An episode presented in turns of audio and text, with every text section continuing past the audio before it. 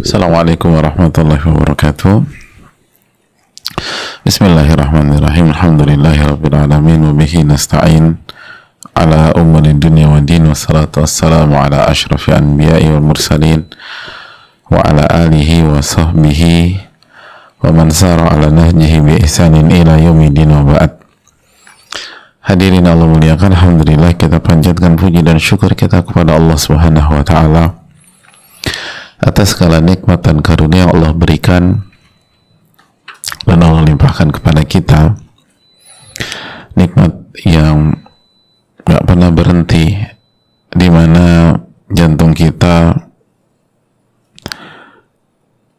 masih berdetak dan di mana uh, derap kaki ini terus melangkah maka di sana ada nikmat Allah Subhanahu wa taala. Dan nikmat yang terpenting adalah nikmat ilmu, ilmu yang bermanfaat. Kesempatan untuk belajar, kesempatan untuk memperbaiki diri, kesempatan untuk uh, berusaha menjadi wanita yang salehah, wanita yang beriman kepada Allah wanita yang terus mendekat dan mendekat kepada Allah Subhanahu wa taala. Dan inilah tujuannya kita selenggarakan kajian ibu-ibu sekalian di samping eh, laki-laki uh, dan bapak-bapak juga boleh ikut karena uh, bisa disampaikan ke uh, keluarga wanitanya maupun bagi dirinya juga bermanfaat karena pada dasarnya al-wabil sayyib ini sangat bisa dan indah dipelajari dan dinikmati oleh siapa pun. Oleh karena itu marilah kita syukuri kebersamaan kita dengan al-wabil sayyib pada kesempatan kali ini. Uh, sebagaimana salawat dan salam semoga senantiasa tercurahkan kepada Nabi kita, Rasul kita, Sayyidina Muhammadin Sallallahu Alaihi Wasallam beserta para keluarga, para sahabat dan orang-orang yang istiqomah berjalan di bawah naungan sunnah beliau sampai hari kiamat kelak. Allahumma inna nas'aluka ilman nafi'an wa na'udzubika min ilmin la yanfa. Ya Allah berikanlah kami ilmu yang bermanfaat dan lindungilah kami dari ilmu yang tidak bermanfaat. Hadirin Allah muliakan, kita akan kembali bersama Al-Imam Ibn Al-Qayyim rahimahullah dalam kitab Al-Wabil Sayyib. Dan kita sedang membahas tentang kesabaran. Karena Al-Imam Ibn Al-Qayyim menyatakan bahwa secara garis besar kehidupan sikap itu tinggal kita bagi menjadi tiga sikap aja.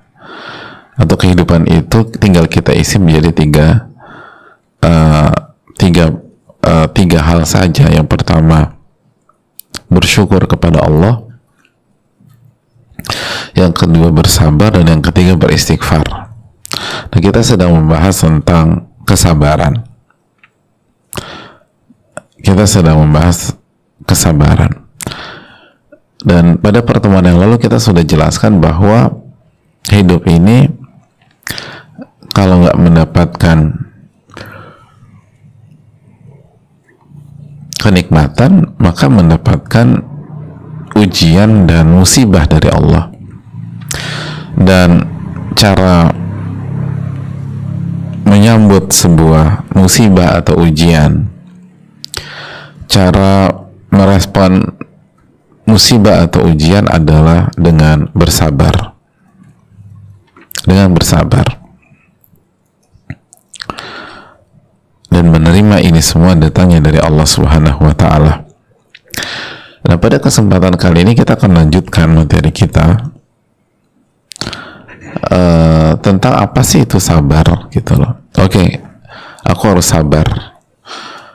Tapi kan pertanyaannya yang sering dibingungkan oleh ibu-ibu dan juga bapak-bapak sebenarnya. Dan semua anak muda juga bingung sering kali dengan hal ini. Kita tuh sering kali tahu kesabaran itu secara global. Sabar mbak. Sabar mbak. Sabar mbak. Sabar bun. Sabar bun. Sabar bun. Tapi nggak ngerti juga apa yang dimaksud dengan kesabaran oke aku harus sabar. Terus aku harus gimana nih gitu loh. Kan itu sering kali yang terjadi. Dan akhirnya nasihat kesabaran itu nggak efektif. Karena yang dinasihatin nggak ngerti juga gimana caranya atau apa yang harus aku lakukan sehingga dengan aku melakukan ini aku menjadi orang sabar dan berhak mendapatkan seluruh keutamaan yang Allah sebutkan untuk orang yang sabar seluruh ganjaran yang Allah sediakan buat orang yang sabar. Nah, Al-Imam Ibn menjelaskan gimana sih jadi orang yang sabar dan seperti apa kesabaran itu? Dan apa arti dari kesabaran? Beliau menyatakan bahwa sabar itu yang pertama habsun nafsi anit tasakhuti bil maqdur. Sabar itu artinya menahan diri. Menahan jiwa.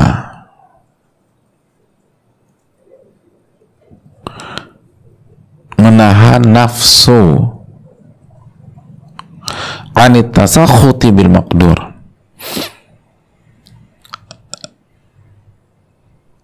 Dari sikap kecewa benci marah dan nggak terima terhadap apa yang Allah telah takdirkan kepada kita. Gitu. Jadi hadirin Allah muliakan.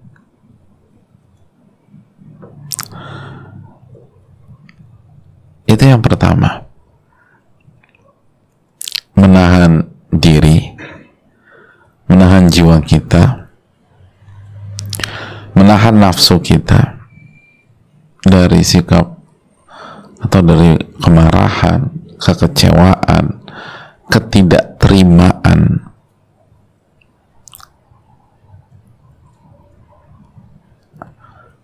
sebuah hal yang Allah telah takdirkan untuk kita.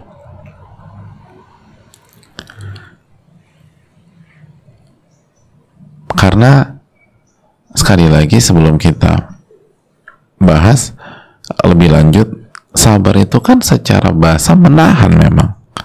Menahan. Nah makanya yang pertama ini nahan diri nahan jiwa nahan nafsu. Agar jiwa ini menerima gitu loh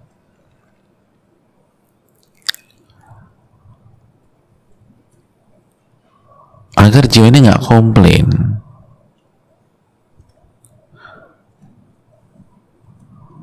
Tetap terkendali. Walaupun keinginannya nggak terwujud. Walaupun harapan dan ekspektasinya itu gagal walaupun yang terjadi di luar keinginannya. Atau simpel aja walaupun dia nggak suka gitu loh. Aku nggak suka banget nih kayak gini nih? Tapi Allah sudah takdirkan ibu-ibu. Ini yang aku takutkan dalam rumah tanggaku akhirnya terjadi juga. Tapi Allah sudah takdirkan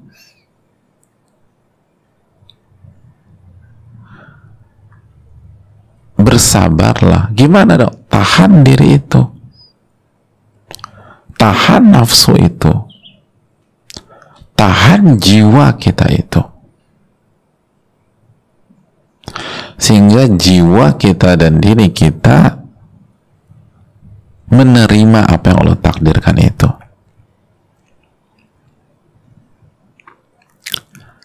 Nggak marah nggak kecewa.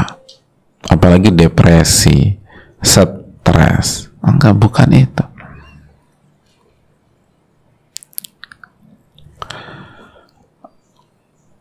Apalagi merespon dengan maksiat. Buruk sangka kepada Allah.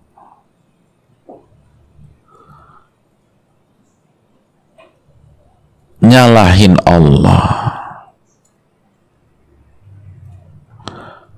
kenapa Allah kasih aku seperti ini? Gitu kan ya. Hadirin Allah muliakan.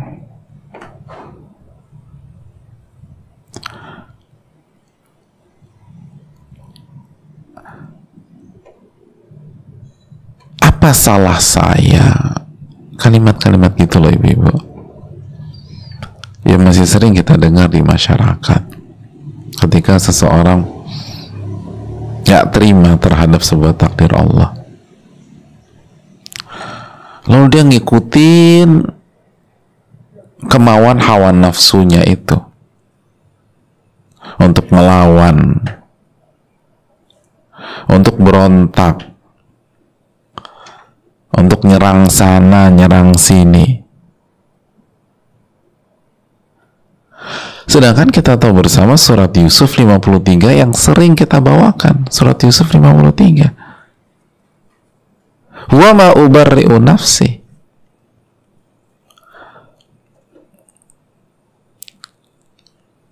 Inna nafsa la ammaratun bisu'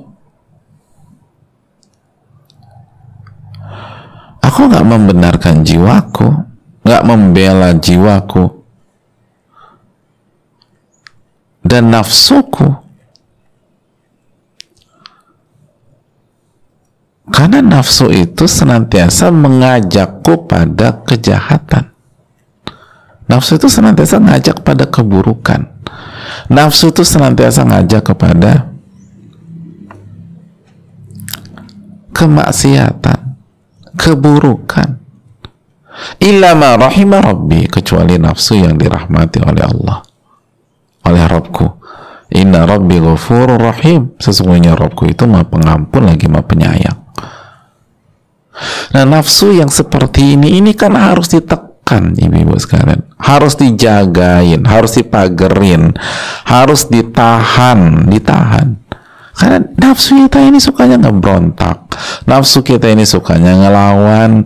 Nafsu ini tuh selalu ngarahin kita ke hal-hal yang buruk-buruk. Nah gimana jadi orang baik? Gimana jadi orang sabar? Ya ditahan tuh nafsu. Ditahan. Nah, menahan bahasa Arabnya sabar, sabar.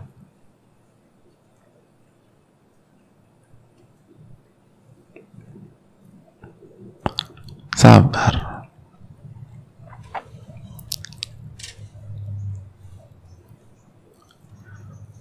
itu poinnya.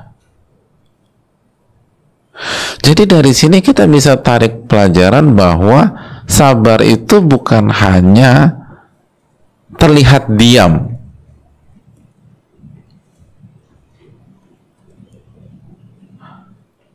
Padahal di dalam ini bergemuruh dan nggak terima udah marah-marah kesal. Enggak. Sabar itu luar dalam jamaah sekalian. Di dalam tuh nafsu itu dikontrol dikendalikan ditahan agar dia tuh nggak liar. Agar dia tuh nggak liar. Itu jamaah. Ingat nafsu kita ini senantiasa ngajak kepada keburukan, makanya nggak boleh dibiarkan gitu aja. Nggak, nggak boleh didiamkan itu nafsu. Akhirnya jiwa kita rusak nanti, hati kita kotor. Makanya harus dihabis, harus ditahan.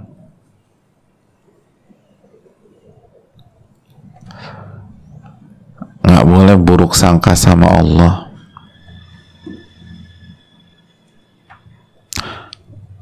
itu nafsu itu selalu ngajak kita buruk sangka sama Allah. Ngajak kita meyakini Allah itu jahat.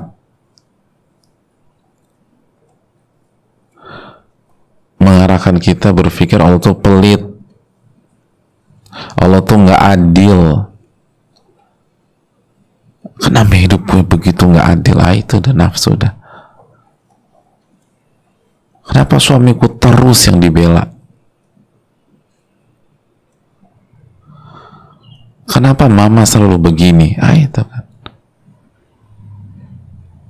Aku terus yang disalahkan. Ah itu itu itu keliaran keliaran hati gara-gara hawa nafsu kita. Keliaran-keliaran hawa nafsu kita yang ada dalam hati kita itu. Nah itu harus dijaga. Harus ditahan baik-baik sehingga tuh hati kita, hati kita itu prinsipnya innalillahi wa inna ilaihi rojiun alladzina idza asabatuhum musibatun qalu inna lillahi wa inna ilaihi raji'un. Itu kan orang sabar. Sebagaimana dalam Al-Baqarah ayat 156. Bahwa semuanya ini hakikatnya milik Allah. Dan kita akan kembali kepada Allah Subhanahu wa taala. Itu kan Al-Baqarah 156. Dan itulah orang-orang yang sabar. Wabashiri sabirin berilah kabar gembira kepada orang-orang yang sabar siapa mereka ini poinnya jiwa itu yakin bahwa innalillah kita ini semua milik Allah wa inna ilahi rajiun. Dan kita akan kembali kepada Allah. Jadi jamaah sekalian khususnya ibu-ibu kalau ada orang yang menasihati kita untuk sabar. Kalau kita baca hadis Nabi SAW Inna nasra ma'as sabar. Kemenangan itu bersama kesabaran kalau kita baca ayat baca Al-Quran Inna allaha ma'as sabirin. Allah itu bersama atau sesungguhnya Allah bersama orang-orang yang sabar.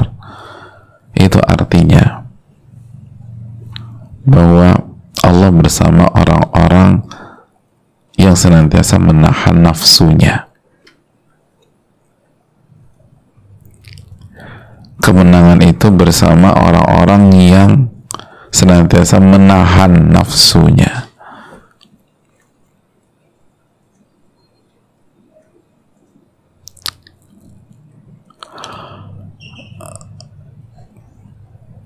Keberuntungan itu bersama orang-orang yang senantiasa menahan nafsunya.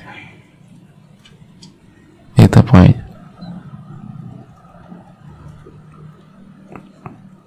Sehingga dia nggak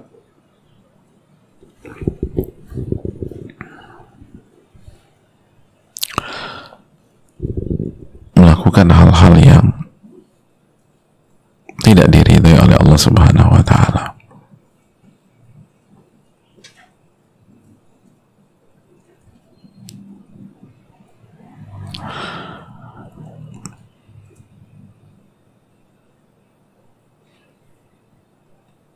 sehingga dia bisa menerima apa yang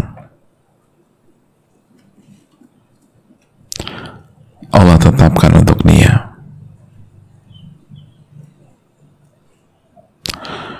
sehingga dia nggak benci.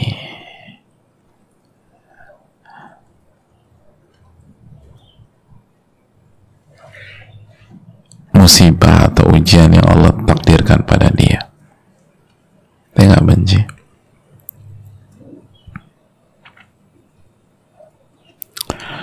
Karena dia tahu itu berasal dari Allah. Yang maha sayang sama dia walaupun rasanya pahit pasti banyak hikmah di balik itu semua. Dan dari sini kita bisa pelajari bahwa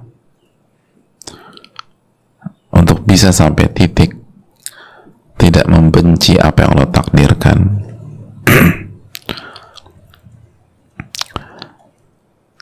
Tidak membenci apa yang Allah tetapkan atau tidak membenci ketetapan Allah. Tidak membenci takdir Allah. Seseorang itu butuh perjuangan. Nggak bisa sulit sekali bisa langsung seperti membalikan telapak tangan enggak. Orang itu butuh menahan menahan menahan dan menahan nafsunya jiwanya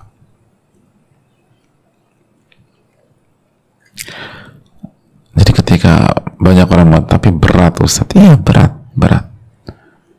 Makanya kata Nabi Pak wasabru dia asabru dia cahaya yang panas. Ini nggak mudah. Tapi di situlah kemenangan berada. Di situlah pertolongan itu datang dan bersama mereka lah Allah subhanahu wa ta'ala bersama. Itu yang pertama. Yang kedua, jamaah. Kata Al-Imam Ibn Qayyim dan para ulama, habsul lisan ani syakwa. Setelah menahan nafsu dan menahan jiwa ini, sabar berarti menahan lisan dari mengeluh syakwa mengeluh. Menahan lisan dari semua kata dan kalimat yang tidak Allah ridhoi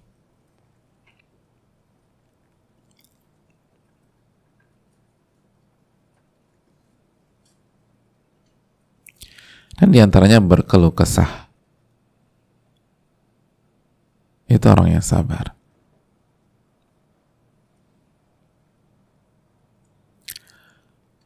Makanya coba kita buka lagi 155 156 dari Al-Baqarah.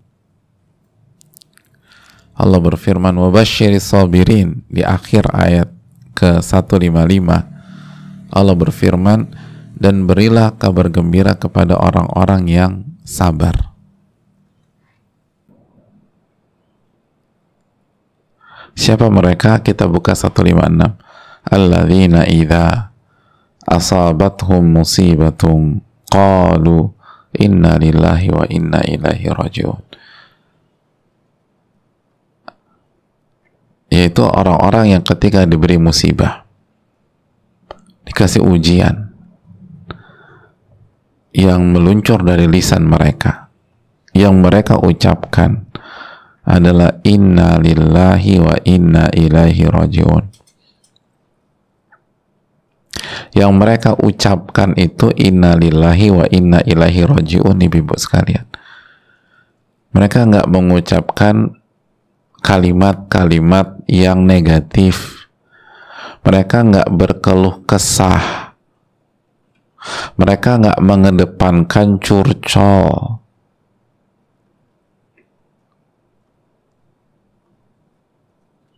Atau curhat-curhat yang tidak produktif. Kalau mereka menceritakan itu untuk cari solusi.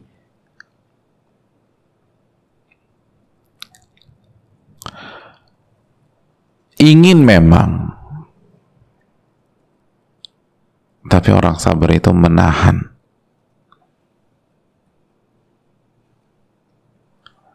ingin rasanya lisan ini menumpahkan semuanya. Ingin rasa jempol ini bertindak mengetik kata-kata yang tidak baik. Tapi orang-orang yang sabar itu menahan. Menahan.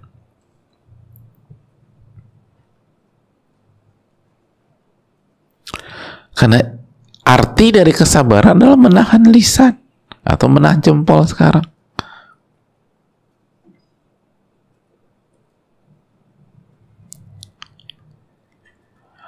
Hadirin Allah muliakan.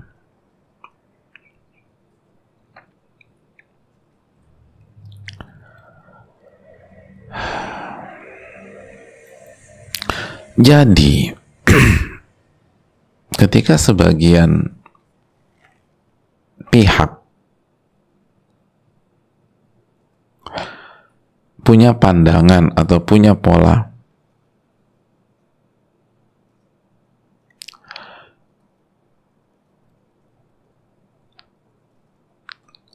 Biarkan dia mengeluarkan unek-uneknya. Biarkan dia keluarkan dan sampaikan isi hatinya. Kan gitu ya sebagian ibu bilang perempuan tuh harus gitu harus dikeluarin baru lega. Ya namanya juga wanita Pak Ustadz harus dikeluarin. Biar tenang.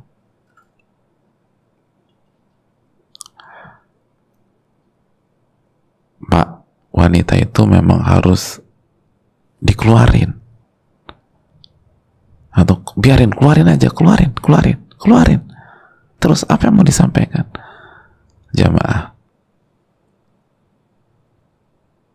Ternyata pola seperti itu justru berseberangan dengan kesabaran.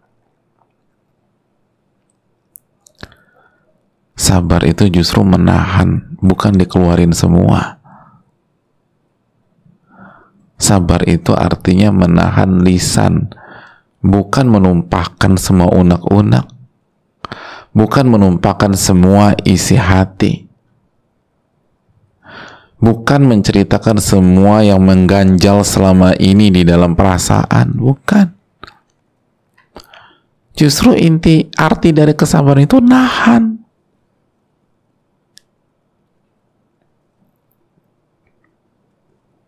Nahan.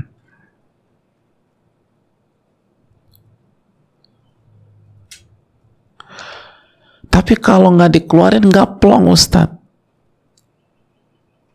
Rasanya sakit, masih ada yang ganjel. Hadirin, itu intinya. Nabi SAW mengatakan, wasabru dia. Sabar itu tuh dia berat emang. Tapi nyesek itu memang proses yang harus dijalani.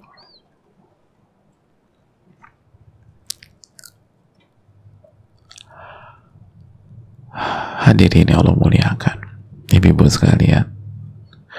Lalu kita coba jawab dengan jujur. Kita yang punya pola seperti ini selama hidup kita, emangnya kalau udah ditumpahkan tuh unek-unek jadi tenang? Enggak juga. Jadi plong. Enggak. Plong di detik itu. Lalu berikutnya nyesek lagi. Bahkan lebih parah daripada sebelumnya. Karena hadirin ibu-ibu dan jamaah sekalian, plong, tenang, nyaman, itu bukan dengan cara menumpahkan isi hati. Bukan mengeluarkan unek-unek. Tapi Allah berfirman, dalam surat Ar-Ra'd ayat 28 ala bidzikrillahi tatmainul qulub. Ketahuilah dengan mengingat Allah dengan berzikir kepada Allah hati jadi tenang. Ketenangan plong kenyamanan bukan dengan menumpahkan semuanya bukan dengan mengirim WA panjang kali lebar lalu mengungkapkan kekecewaan demi kekecewaan kita. Lalu tak jarang kata-kata yang gak etis kata-kata kotor atau nama-nama binatang kita libatkan dan sertakan. Coba tanya diri kita pada saat setelah kita melampiaskan dengan WA atau dengan email atau dengan lisan langsung emangnya tenang? Gak ada orang tenang seperti itu. Justru masalah semakin pelik masalah semakin ribet. Dan alih-alih tenang semakin sesak dada ini jamaah. Karena ketenangan itu mengingat Allah. Adapun menumpahkan semua perasaan, menceritakan unek-unek itu muaranya adalah mengingat makhluk dan Al-Imam Ibnu On mengatakan zikrun nasida wa zikrullahi dawa. Mengingat manusia mengingat makhluk itulah inti dari penyakit hati. Dan mengingat Allah adalah obat dari itu semua.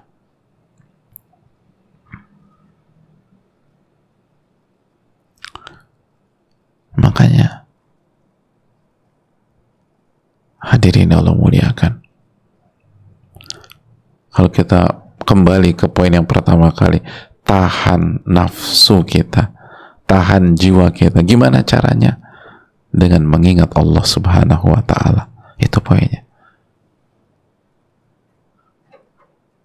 Dan dengan nafsu kita ditahan jiwa kita ditahan dengan mengingat Allah lisan kita ini akan berhasil juga ditahan bismillah karena semuanya tergantung yang pertama nih jamaah ibu-ibu nggak akan bisa nahan lisan kalau ibu-ibu belum berhasil menahan nafsu dan menahan jiwa ini. Dan menahan nafsu dan jiwa itu dengan mengingat Allah. Dengan mengingat Allah. Bukan dengan melampiaskan unek-unek. Makanya coba perhatikan deh kalau ibu-ibu udah curcol satu jam, dua jam, emangnya selesai masalah? Emangnya hati jadi tenang? Terkesan tenang ya. Gue udah plong setelah gue cerita semua sama lo. Hingga itu bukan plong, terkesan plong. Coba kita lihat pas bubaran pas balik lagi ke rumah kembali deg-degan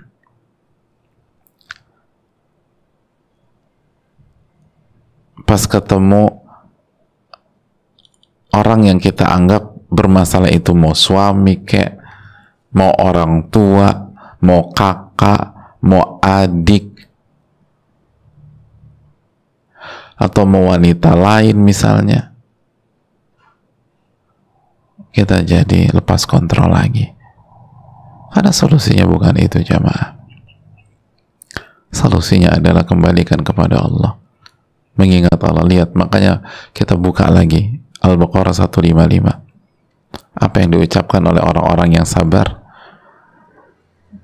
Yang diucapkan adalah 156 inna lillahi wa inna ilaihi rajiun. Inna lillahi wa inna ilaihi rajiun. Kalimat yang isinya adalah mengingat Allah subhanahu wa ta'ala. Itu poinnya ini kalimat yang isinya mengingat Allah. Bahwa kita semua milik Allah dan akan kembali kepada Allah. Lalu yang ketiga yang terakhir. Yang ketiga. Arti dari kesabaran adalah habsul jawarihi anil ma'siyah. Menahan tubuh ini menahan fisik ini dari maksiat dari dosa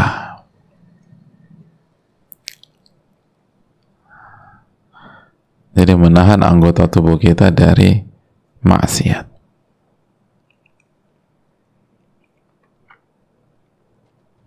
Dari maksiat.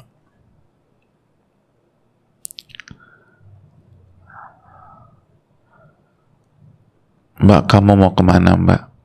Aku mau labrak dia. Itu bukan ciri orang yang sabar. Orang yang sabar akan nahan tubuhnya.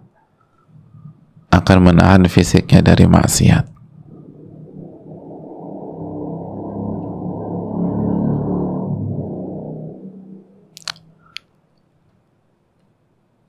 dia nggak mau bermaksiat kepada Allah.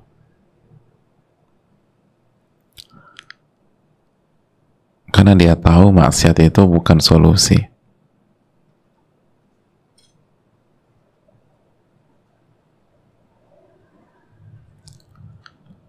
Maksiat itu bukan solusi. Justru maksiat akan membuat masalah semakin ribet ibu-ibu maksiat akan membuat musibah itu semakin terasa berat maksiat itu akan membuat ujian itu semakin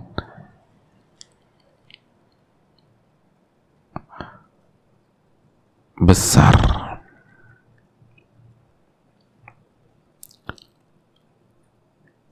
Bukan solusinya.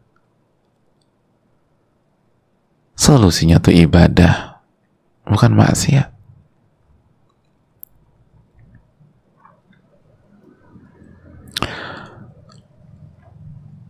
karena nggak sabar dengan perlakuan suami akhirnya buka komunikasi dengan laki-laki lain. Mulailah maksiat diawali. Selesai masalah? Enggak. Tambah parah masalah. Hati tenang? Enggak. Itu pelarian pelampiasan. Enggak ada ketenangan di situ. Itu bukan orang-orang yang sabar. Ingat kemenangan pertolongan itu bersama kesabaran. Berarti nggak akan ditolong sama Allah kalau cara kita begitu ibu-ibu.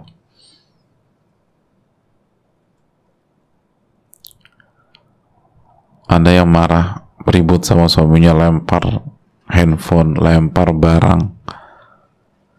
Apakah itu menjadi solusi? enggak juga. Marah sama anak-anaknya dicubit. Kadang-kadang anak dipukul anak ditampar. Apakah dengan menampar anak masalah jadi selesai? Tambah parah. Anak jadi trauma. Dan traumanya bukan satu dua minggu bertahun-tahun. Dan kita sendiri yang ribet juga nantinya. Di selain kita berdosa. Maksiat itu menjebak ibu-ibu. Jangan mau percaya sama syaitan solusinya itu ibadah. Amal soleh bukan maksiat.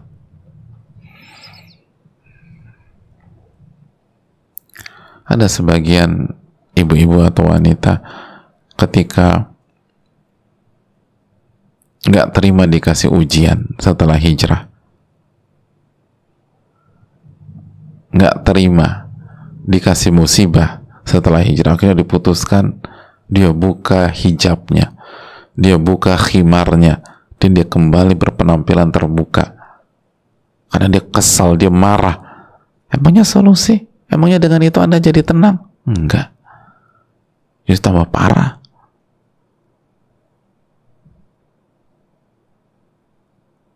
Tapi karena kotornya hati kita dan sakitnya hati kita terkesan pada saat itu nggak terasa apa-apa. Hadirin, kalau kita punya sakit gula nih, gula, itu kita terluka kayak nggak rasa sakit apa-apa loh. Tapi apakah benar-benar kondisi kita baik-baik aja? Justru tambah parah. Cuman terkesan saat itu kita nggak terasa apa-apa. Ada orang lagi mabuk dipukul, dia merasa sakit. Enggak. Tapi apakah artinya dia baik-baik aja? Justru tambah parah.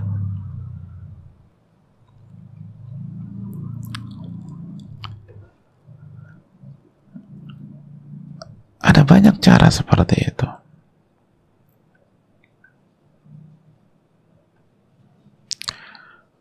Ada sebagian ibu-ibu merasa kecewa, tidak mendapatkan perhatian dari suaminya. Akhirnya dia pulang malam. Ketika ditanya, kenapa sih kamu pulang malam? Aku nggak pulang malam, Pak Ustadz. Aku pulang pagi. Ya tamat, lebih parah juga ya udah kenapa pulang pagi? Aku lakukan ini biar suamiku itu nyariin aku. Biar suamiku itu perhatian sama aku. Terus dapat enggak. Ya sama, betul kan? Bukan begitu caranya. Justru tambah berantakan. Pas keluar ketemu laki-laki lain pelampiasan lagi. Udah deh menyelesaikan masalah dengan masalah yang lebih parah. Kalau nggak dapat perhatian suami itu tahajud, ibu-ibu. sujud doa sama Allah biar Allah bolak balikan hati suami kita dari yang nggak perhatian jadi perhatian ya muqallibal qulub sabit qalbi ala dinik wa yang membolak balikan hati kokohkan hatiku di atas agamamu yang membolak balikan hati itu Allah banyak di antara kita, banyak di antara wanita itu untuk dapat perhatian, untuk mendapatkan uh, kedekatan kembali dengan suaminya, dia justru lebih suka ngikutin syaitan buat yang aneh-aneh. Padahal niatnya baik, cuma pengen dapat perhatian aja. Tapi buat yang aneh-aneh. Dan itu bukan solusi, itu bisikan-bisikan syaitan Al-haqqu min rabbika. Allah berfirman itu kebenaran itu berasal dari Allah bukan dari syaitan. Artinya bisikan syaitan udah pasti nggak benar. Kenapa diikutin? Udah pasti nggak benar. Kebenaran itu dari Allah. Kalau pengen tahu kebenaran buka Al-Quran. Loh kok bisikan syaitan diikutin?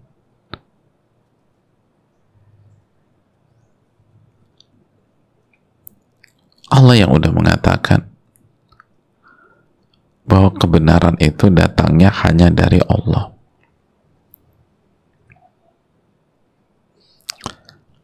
Kan itu hadirin. Itu yang Allah firmankan dalam surat Ali Imran ayat 60. Al-haqqu min. Kebenaran itu datangnya dari Allah. Jadi udah deh. Jangan bermaksiat dan orang yang bermaksiat apalagi sebagai pelampiasan itu menunjukkan dia nggak sabar.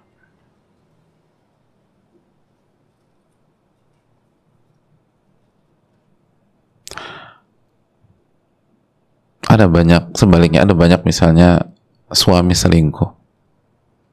Kenapa mas selingkuh? Ya habis suami saya begini pak ustadz. Eh istri saya begini ustadz.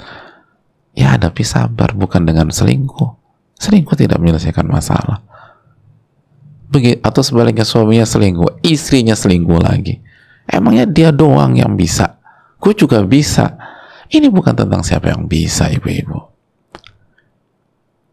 Ini tentang ketenangan, kebahagiaan di dunia maupun di akhirat. Emangnya akan bahagia di dunia akhirat dengan cara demikian? Gak bakalan. Dan anak-anak juga jadi rusak nantinya.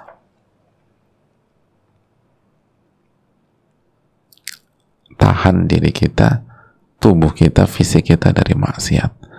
Dan kalau kita bisa melakukan tiga hal ini, maka kita berhasil jadi orang yang sabar. Kata Imam Ibn Qayyim, "Famadaru sabri ala hadhihi al-arkani thalatha." Dan esensi dari kesabaran itu ya tiga hal ini. Arti dari kesabaran ya tiga hal ini menahan nafsu dan jiwa kita, menahan lisan dan menahan anggota tubuh dari maksiat.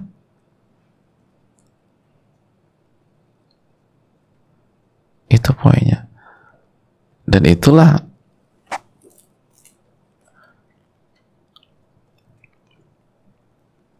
yang dimaksud dengan kesabaran.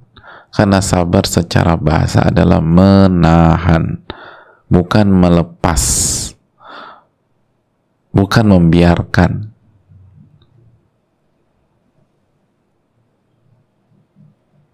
Bukan ditumpahkan. Bukan membalas. Sabar itu menahan. Menahan nafsu dan jiwa kita. Agar bisa menerima apa yang Allah takdirkan. Menahan lisan dari keluh kesah dan seluruh kalimat dan kata yang haram. Yang Allah nggak ridhoi. Yang ketiga menahan anggota tubuh dari maksiat. Allah Ta'ala alam itulah arti dari kesabaran. Jadi lo harus jadi orang yang sabar. Lo pasti bisa. Sering kita dengar nasihat ini. Berarti artinya lo nggak boleh maksiat. Itu poinnya. Jadi orang tuh kadang-kadang nggak nyambung. Udah dinasihatin untuk sabar, tetap aja maksiat. Arti sabar tuh jangan maksiat itu salah satu artinya. Jelasin ya. Jadi artinya kamu harus sabar. Itu artinya kamu jangan maksiat. Itu mananya. Kok malah maksiat? Tambah parah masalah. Wallahu ta'ala bisawab.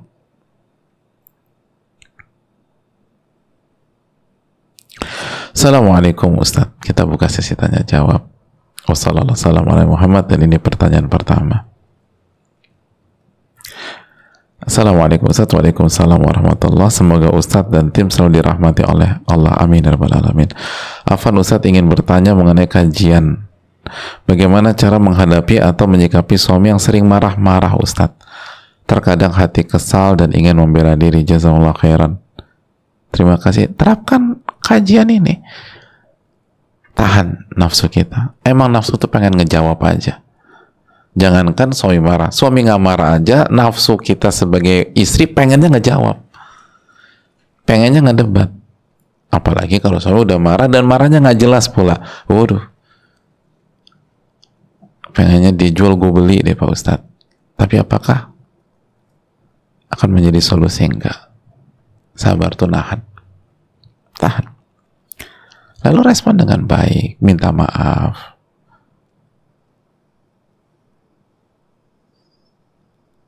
minta maaf. Jangan dilawan. Apalagi suami lagi marah-marah. Udah minta maaf aja. Nggak akan mengurangi derajat kita di sisi Allah kok. Justru akan membuat kita lebih tinggi kalau kita ya kalau kita benar kalau kita salah ya nggak ada alasan untuk nggak minta maaf. Udah nggak aku salah aja. Ya aku salah. Terus jaga lisan. Jangan jangan kepancing lisan. Ini lisan ibu-ibu kadang-kadang gampang terpancing. Salah Pak Ustadz. Bukan kadang-kadang. Sering oke. Okay. sering terpancing. Jangan diam aja. Ingat Allah ingat Allah. Ingat Allah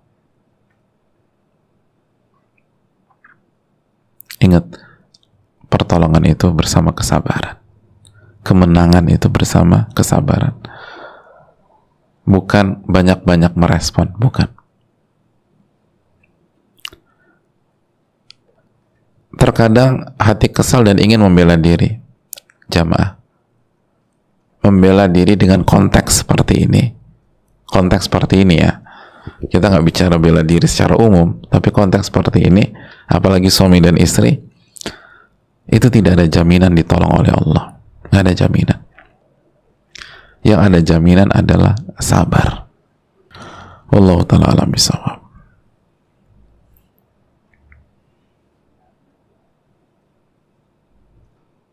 Ya, pertanyaan berikutnya. Uh, Assalamualaikum Waalaikumsalam Saya ibu dari dua anak Berusia 29 tahun Saya mau bertanya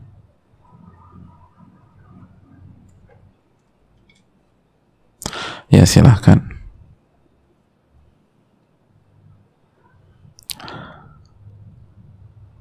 Apabila saya ditunjukkan pengkhianatan-pengkhianatan yang terjadi oleh suami dan suami lebih memilih untuk menceraikan istrinya tetapi karena terhalang oleh keempat orang tua yang tidak setuju perceraian akhirnya kami hanya pisah rumah, pisah kota tanpa perceraian tapi tidak bisa dibilang rujuk karena suami kelihatan sekali membenci istrinya yang memergoki dan akhirnya memilih tinggal di luar kota agar dekat dengan selingkuhannya. Yang ingin saya tanyakan, apakah proses sabar yang saya lakukan demi anak dan orang tua ini diterima oleh Allah? Karena saya pun tidak bisa memenuhi hak dan kewajiban sebagai istri kepada suami. Dan pertanyaan kedua, bagaimana meyakinkan diri bahwa sesuatu yang diperlihatkan oleh Allah itu adalah sebuah ujian ataukah sebuah petunjuk untuk saya melepaskannya? Ya, hadirin Allah muliakan. Yang pertama, yang pertama nih jamaah.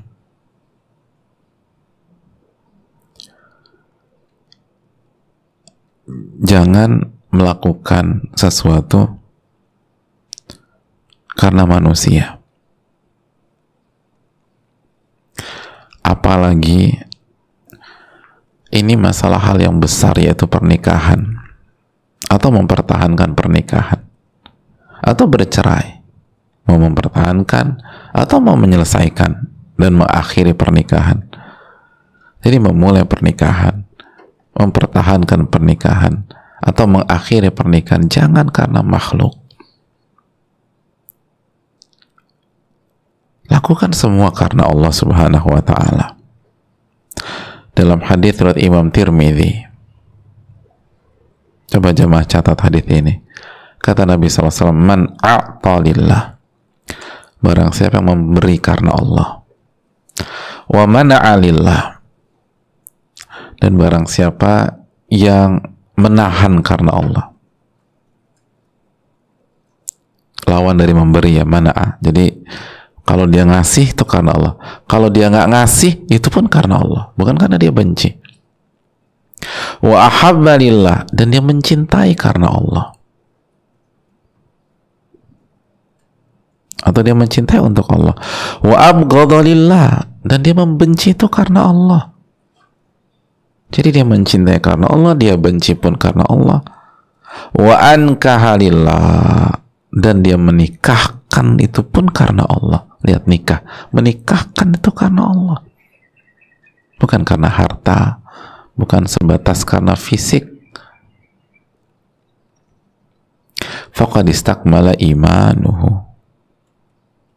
Maka imannya telah sempurna kata Allah hadis ini hasan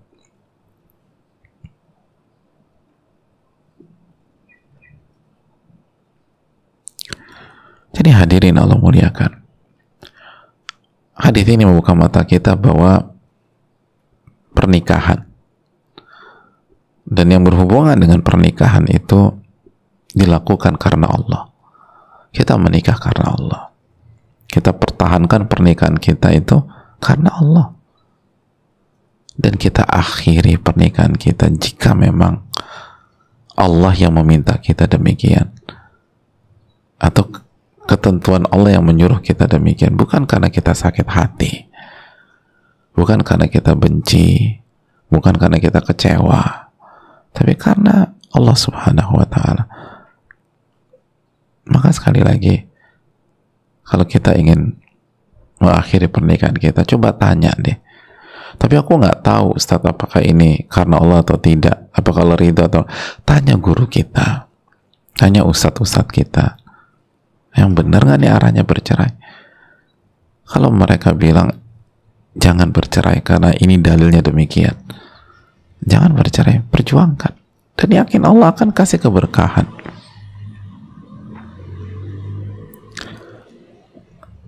Tapi kalau memang ini arah dari Allah dan Rasulnya ya udah Bismillah jadi itu yang pertama yang kedua jamaah yang Allah muliakan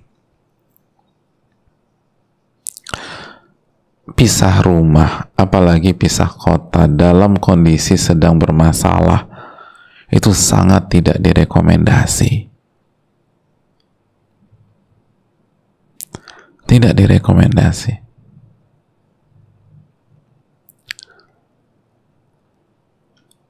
Oleh karena itu Allah berfirman dalam surat At-Talaq ayat pertama, bukan surat At-Talaq ayat pertama hadirin.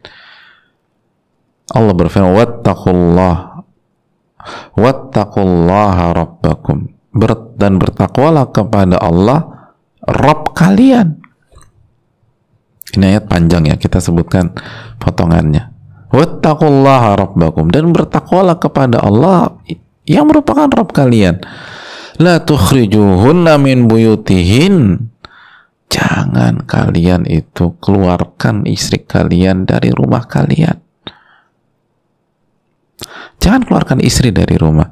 Wala yakhrujna illa ayyatina bifahishati mubayyinah. Dan jangan sampai istri kalian keluar dari rumah kecuali karena telah melakukan perbuatan keji yang jelas perselingkuhan, zina, perbuatan keji. Itu pengecualian. Kalau enggak, jangan keluarkan dari rumah. Jangan keluarkan istri kalian dari rumah dan jangan biarkan dia keluar dari rumah. Apa pesannya ibu-ibu sekalian? Ketika ada masalah jangan pisah rumah. Itu hanya membuat masalah jadi ribet, jadi panjang dan peluang berantakan lebih besar daripada peluang islah. Peluang dipermainkan syaitan lebih besar daripada jika kita tetap satu rumah.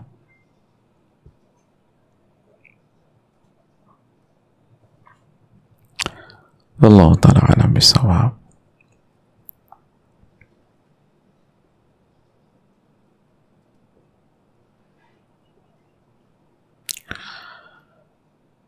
Dalam kehidupan hadirin sunatullahnya. Ada dua orang saling benci.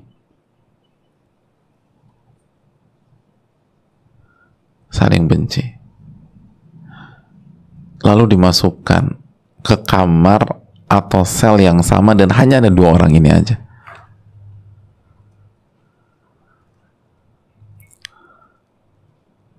Maka peluang mereka berdamai dan nanti jadi teman itu jauh lebih besar daripada peluang mereka tetap ribut. Ada kemungkinan mereka tetap ribut, tapi peluang dan data di lapangan itu lebih banyak jadi temannya. Karena setiap hari ketemu. Yang awalnya nggak mau bicara, mau nggak mau kan bicara. Makanya kan kata masalah itu dihadapi. Kita jangan pernah cari masalah. Kata Nabi, jangan jangan berharap ketemu dengan musuh. Jangan pernah minta masalah. Tapi kalau Allah kasih masalah, hadapi dengan minta pertolongan Allah. Wa fasbiru. Kata Nabi SAW, kalau kalian Allah takdirkan bertemu, hadapi dengan kesabaran. Hadapi. Bukan satu di mana satu di sini itu tambah parah jemaah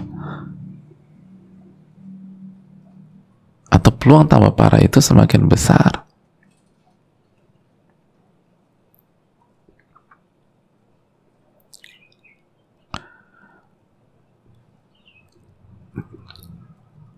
itu yang perlu kita camkan ini nggak nggak ideal. Dan ini bukan nggak sehat pernikahan seperti dan juga buruk buat anak-anak. Coba selesaikan. Dan yang berikutnya sekali lagi tadi ada ada kalimat jamaah sekalian bahwa suami itu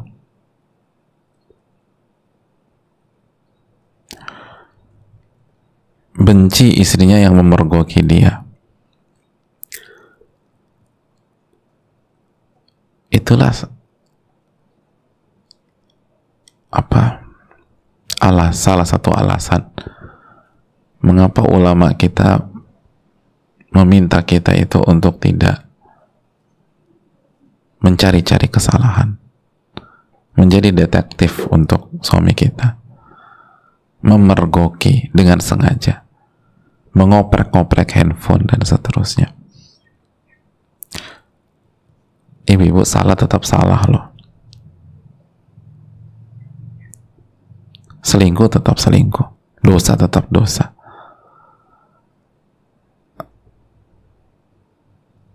Tapi memergoki dengan sengaja. Sengaja buka-buka handphone suami. Itu bukan solusi dari sebuah masalah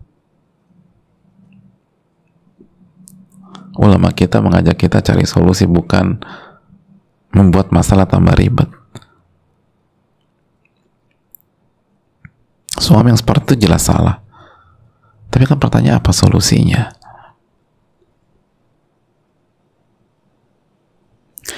Solusinya adalah jamaah sekalian, baik baik istri, apalagi suami, segera bertobat kepada Allah.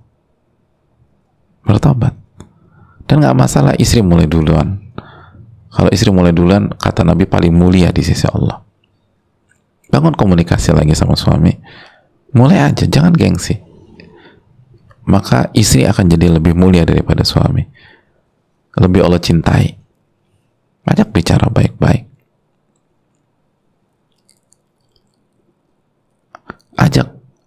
Mari pertahankan rumah tangga kita karena Allah. Tobat dan mulai dari diri kita Jadikan anak-anak menjadi trigger, bukan karena anak-anak semata, tapi kita punya tanggung jawab di sisi Allah untuk mendidik anak-anak. Rusaklah anak-anak kalau kondisi keluarga seperti ini. Itu yang perlu kita camkan Allah Ta'ala bisa. Dan terus belajar, ajak suami belajar agama.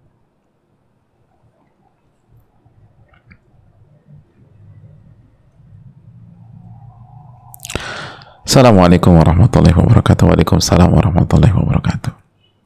Semoga Ustadz, keluarga, tim, dan semua muslim dan muslimat di mana pun berada selalu dalam lindungan dan kasih sayang Allah. Izin bertanya, apakah termasuk kufur nikmat apabila seorang istri menginginkan agar suami lebih mendalami ilmu agama dan mengenal sunnah Nabi Sallallahu Alaihi Wasallam? Dan selain itu suami sangatlah baik dan bertanggung jawab, tapi beliau bilang bahwa tahu tapi belum bisa mengikuti apa yang harusnya istri lakukan. Agar suami mengerti bahwa penting sekali belajar ilmu agama untuk pegangan hidup kita. Karena kadang kalau istri menyampaikan nasihat seperti lelucon karena be masih berbeda pemikiran boleh bilang hidup saya kaku dan gak asik. Jazakallah khairan barakallahu fiqh hadirin Allah muliakan kalau suami mengatakan dia sebenarnya udah tahu tapi belum bisa mengikuti. Maka yang pertama berdoa kepada Allah. Doa biar Allah semakin kuatkan hati suami kita. Yang kedua syukuri yang ada sambil kita benahi yang kurang. Suami sampai uh, pada titik mengatakan saya mengerti tapi saya belum bisa. Itu udah bagus loh. Bukan berarti ideal ya bukan berarti benar ya. Tapi udah lumayan lah. Daripada dibantah langsung dan dan menunjukkan egonya dan saya ini lebih pintar segala macam kan lebih mending kayak begini. Tapi bukan berarti udah selesai belum. Tapi syukurilah yang ada dulu. Nanti kan la insyakartum la azidannakum. Jika kalian bersyukur aku akan tambah Lalu yang berikutnya, berikanlah keteladanan dengan perubahan real kita. Kita dulu berubah. Kita dulu jadi istri yang lebih baik, lebih sabar, lebih berkhidmat, lebih melayani. Terus tunjukkan perubahan. Insya Allah akan kasih hidayah buat kita dan buat suami kita. Beliau bilang hidup saya kaku dan gak asik, gak masalah Gak ada masalah. Kebahagiaan itu bukan pada komentar orang hadirin. Kebahagiaan itu ada pada hati. Pada saat hati kita mengingat Allah Subhanahu wa taala. Allah taala misawab.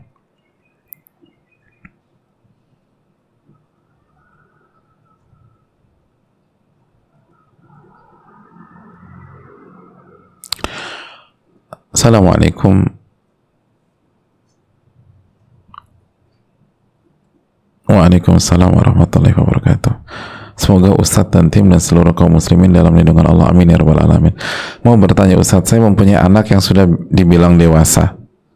Usianya dewasa usianya karena sudah 22 tahun. Iya Bu, ini dewasa banget 22 tahun. Dewasa kan akil balik Bu. Dari kecil insya Allah selalu saya didik untuk kenal agama dan selalu saya arahkan istiqomah selalu di jalan Allah tapi setelah dewasa ini sepertinya semua sudah tidak bisa dikendalikan lagi. Baru-baru ini tanpa sengaja saya melihat sesuatu yang tidak pantas dilakukan terjadi. Saya shock dan sedih banget Ustadz. Apa yang harus saya lakukan? Hubungan kami selama ini dekat dan sepenglihatan saya mereka selalu mengerjakan amalan yang wajib dan sunnah. Mohon pencerahan Ustadz, apakah saya telah gagal menjadi ibu? Ya terima kasih. Yang pertama sekali lagi uh, saya ingatkan terus kalau nanya jangan lupa kita doakan dan salah satu yang kita jangan, jangan lupa kita berdoa sama yang telah kasih ilmu kepada kita dan jangan lupakan Ibnu Qayyim rahimahullah kita kan belajar kitab beliau doakan beliau La yashkurullah man yashkurun nas. Tidak bersyukur kepada Allah orang yang tidak bersyukur kepada manusia. Terus tadi ada poin yang saya belum jawab di pertanyaan sebelumnya uh, tentang kalau kita di apa diperlihatkan sama Allah tentang suami tadi ya. Kalau kita bukan karena kita ngorek-ngorek, kita yang cari-cari, kita nggak ngapa-ngapain tiba-tiba Allah buka gitu ya. Tanpa ada unsur kesengajaan dari kita, semoga itu petunjuk. Tapi apakah itu petunjuk untuk melepaskan? Terlalu jauh untuk menyimpulkan demikian. Kan bisa jadi petunjuk untuk bertobat.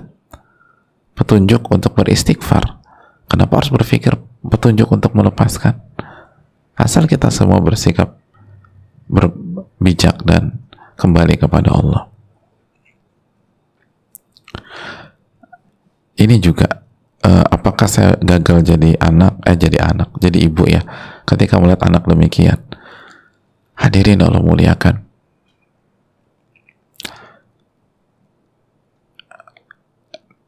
Ketika kita melihat diperlihatkan oleh Allah sesuatu yang membuat kita shock dari anak kita yang pertama kali harus kita lakukan adalah istighfar dan tobat kepada Allah dan apakah saya telah gagal jadi seorang ibu? Lagi-lagi terlalu jauh berpikir demikian dan terlalu dini, terlalu prematur. Mungkin ini masih berjalan kok. Tapi paling tidak ada yang salah mungkin. Mungkin ada yang salah.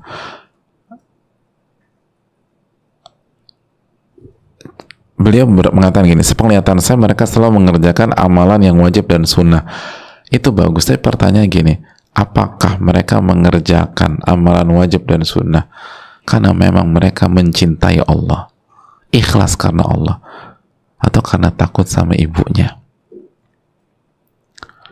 Atau karena dikontrol semata sama ibunya. Atau karena dia mereka nggak mau mengecewakan ibunya. Atau khawatir ibunya marah jangan-jangan selama ini kita mendidik mereka hanya mengerjakan amalan-amalan zohir saja. Lupa mendidik amalan hati mereka. Itu kan harus kita pikirkan.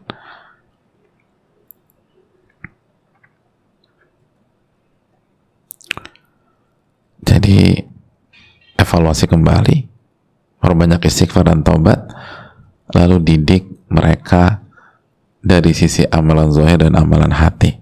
Wallahu taala bisa.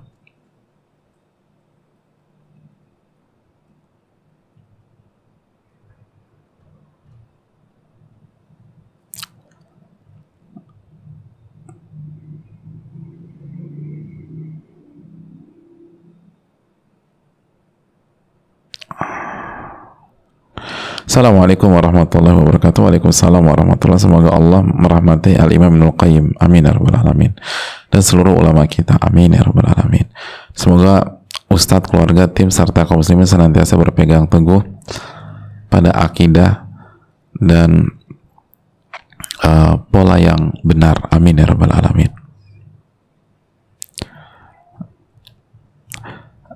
Ustadz saya ketika Allah mentakdirkan sesuatu yang buruk dalam karir dan kuliah saya, justru saya semakin jauh dari Allah. Seperti sangat mudah dan tidak ada rem untuk maksiat. Mohon nasihat untuk saya Ustadz Jazakallah wa iyyakum. Hadirin, inilah tentang tadi arti dari kesabaran. Jangan respon dengan maksiat. Ketika kita menghadapi hal yang tidak kita inginkan. Gimana nasihatnya yang pertama baik sangka kepada Allah. Sesuatu yang buruk dalam karir dan kuliah kita itu belum tentu benar-benar buruk di sisi Allah. Bisa jadi yang kita anggap buruk itu justru yang terbaik buat kita untuk jangka yang lebih panjang. Masih ingat Al-Baqarah 216? Wa asa an takrahu syai'an wa huwa khairul lakum.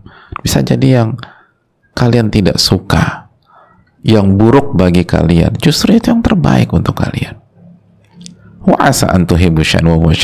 Dan bisa jadi yang kalian suka itu justru buruk buat kalian.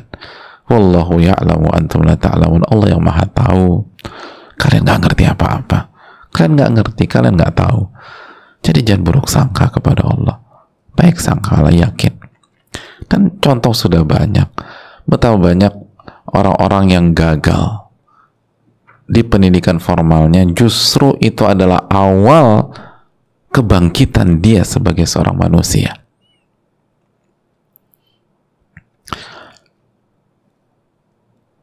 Hadirin saya tuh dengan segala keterbatasannya, saya tahu ada beberapa orang itu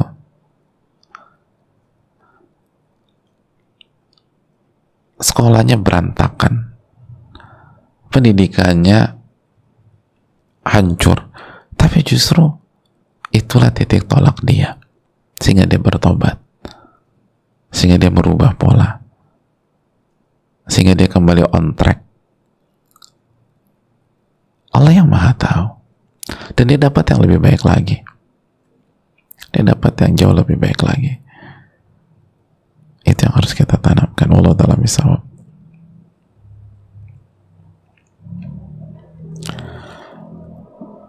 Allah Ta'ala alam jadi baik sangka sama Allah, lalu bersabarlah. Baik sangka kepada Allah dan bersabarlah.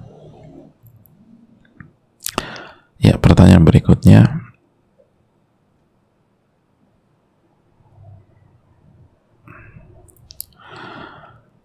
Uh,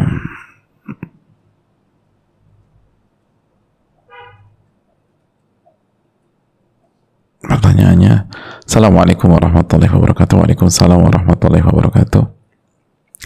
Semoga Allah selalu menjaga dan merahmati Ustadz beserta keluarga, tim, dan seluruh kaum muslimin.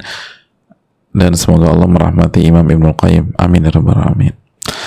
Izin bertanya Ustadz bagaimana sikap Ana seharusnya ketika suami Ana dicela dan dituduh yang belum jelas faktanya di depan Ana oleh orang tua Ana sendiri Terlebih ketika suami mulai bersungguh-sungguh berhijrah dan menuntut ilmu agama, ilmu syar'i.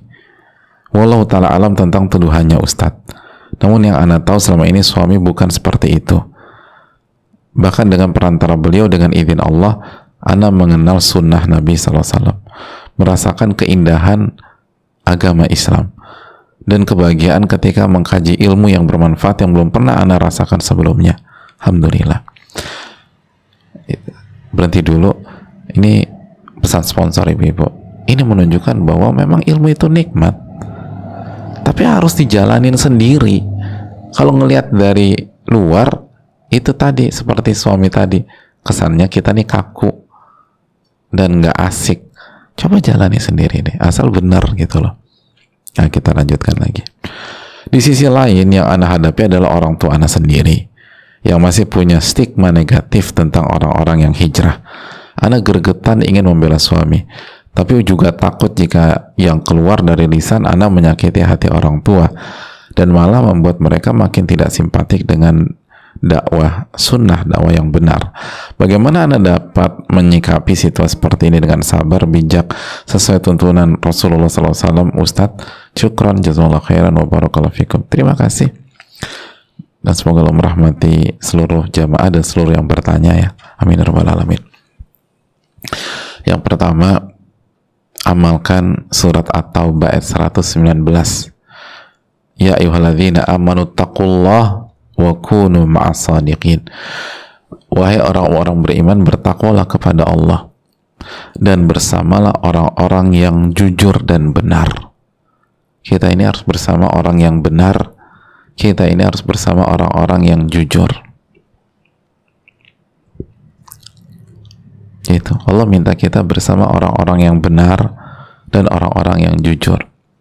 Jadi kalau suami kita dituduh orang tua kita dan orang tua eh, dan suami kita yang benar, maka bersama atau eh, apa namanya kita itu bersama suami kita.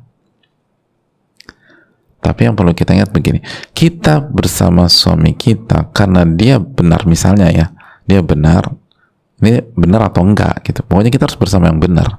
Bersama suami kita karena dia benar, tapi di waktu yang sama tetap berbakti sama orang tua kita.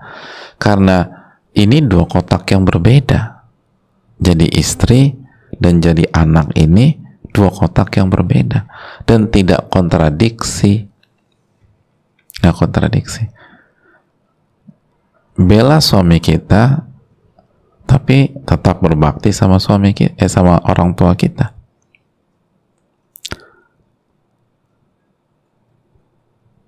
Sampaikan apa yang mungkin tidak bisa disampaikan suami kita untuk membela kehormatannya. Tapi di waktu yang lain di waktu yang apa di sisi yang lain bicaranya biasa aja. Nggak usah marah-marah. Biasanya bi bicaranya baik aja santai aja.